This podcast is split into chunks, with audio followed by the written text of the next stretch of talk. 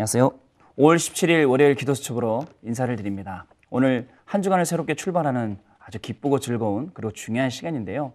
어, 오늘 하루를 정말 새롭게 시작하는 그리고 오늘 하루부터 오늘 일주일 동안 하나님 앞에 서게 되는 그리고 하나님이 주시는 힘과 하나님이 주신 은혜를 듬뿍 힘입는 그런 한 주간이 되기를 원합니다.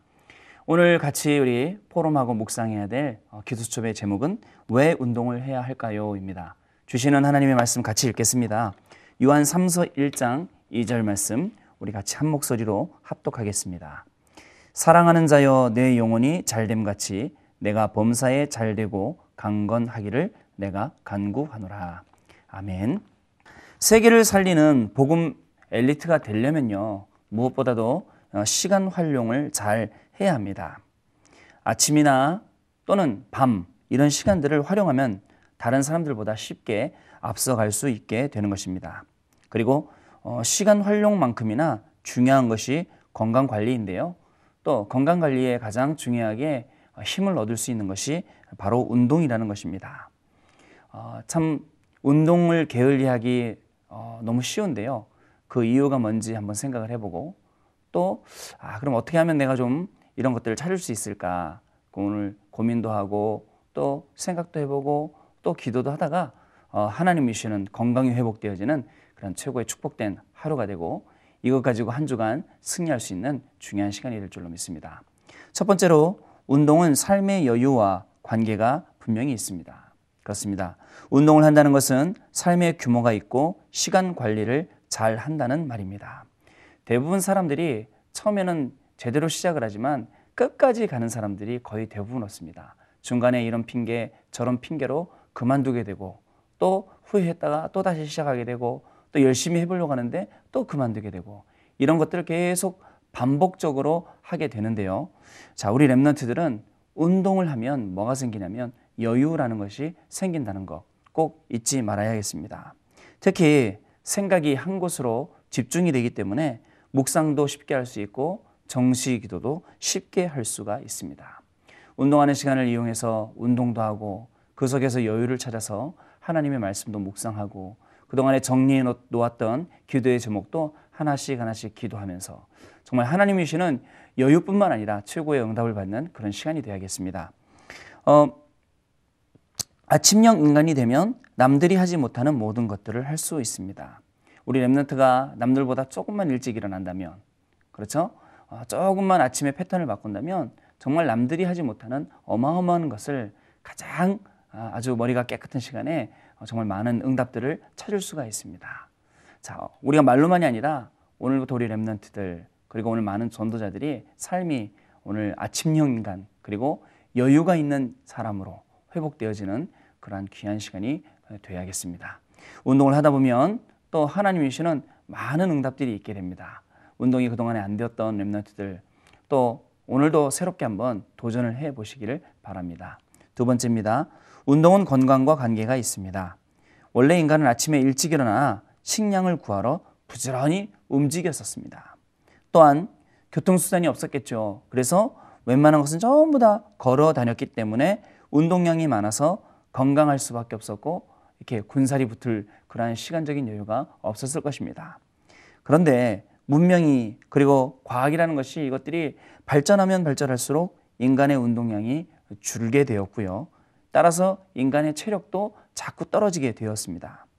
엘리트는요, 무엇보다도 건강 관리에 신경을 쓰는 것이 이 엘리트입니다.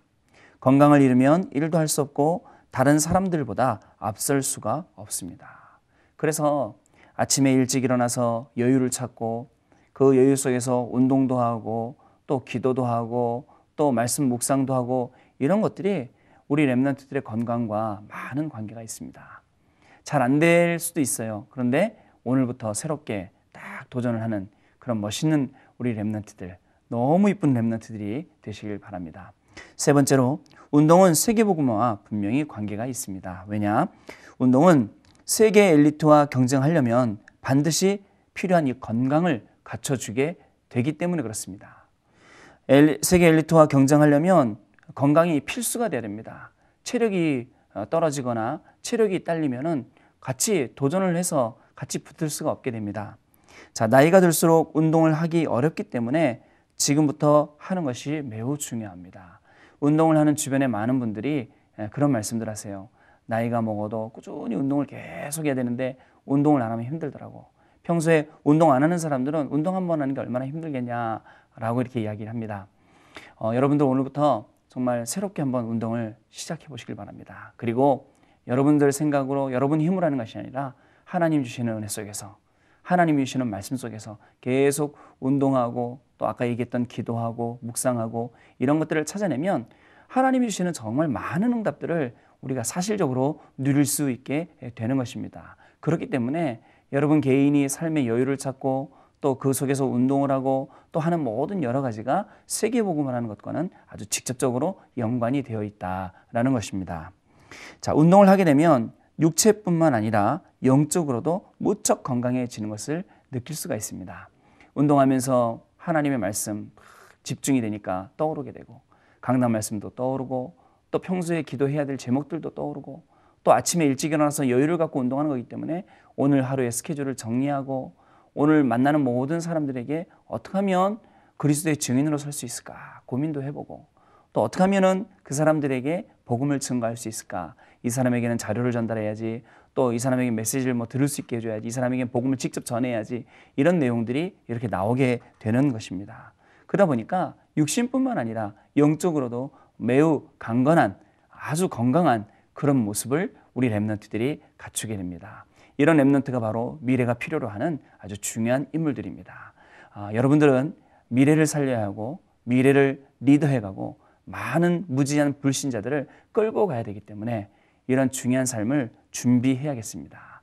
말로만 준비하는 게 아니라 실질적으로 우리 랩런트들이 오늘부터 사실적으로 도전을 해 보시기를 바랍니다. 그러할 때에 하나님께서 주시는 건강을 통해서 또 육신의 건강, 영적인 건강 이런 것들을 통해서 하나님이 주시는 많은 응답들을 회복하게 될 줄로 분명히 믿고요. 또 건강이 약한 랩런트들도 조금씩 조금씩 조금씩 계속 운동하면서 조금씩 늘려가면서 하나님이 주시는 건강의 최고의 축복과 응답들이 임하는 그러한 시간이 되길 바랍니다. 오늘 포럼의 주제입니다. 많은 사람이 거창한 계획을 세우지만 실제로는 하지 못합니다. 작은 것부터 실천한다면 그것이 체질이 되고 습관이 될 수 있습니다. 운동도 마찬가지입니다. 오늘 해야 할 운동과 실천 방법을 계획하고 도전을 해 보세요. 그렇습니다. 조금씩 조금씩 늘려가는 것 좋은 방법입니다.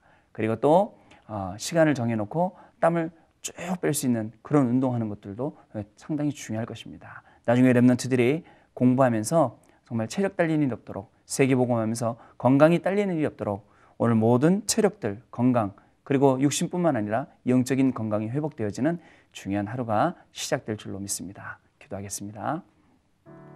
하나님 감사를 드립니다. 오늘 아침에도 우리 랩런트들에게 삶의 여유를 허락하시며 이 여유 가운데에 운동을 하고 또 기도도 하고 묵상도 하고 또 전도 기획도 하게는 그러한 귀한 시간을 허락하시니 감사를 드립니다.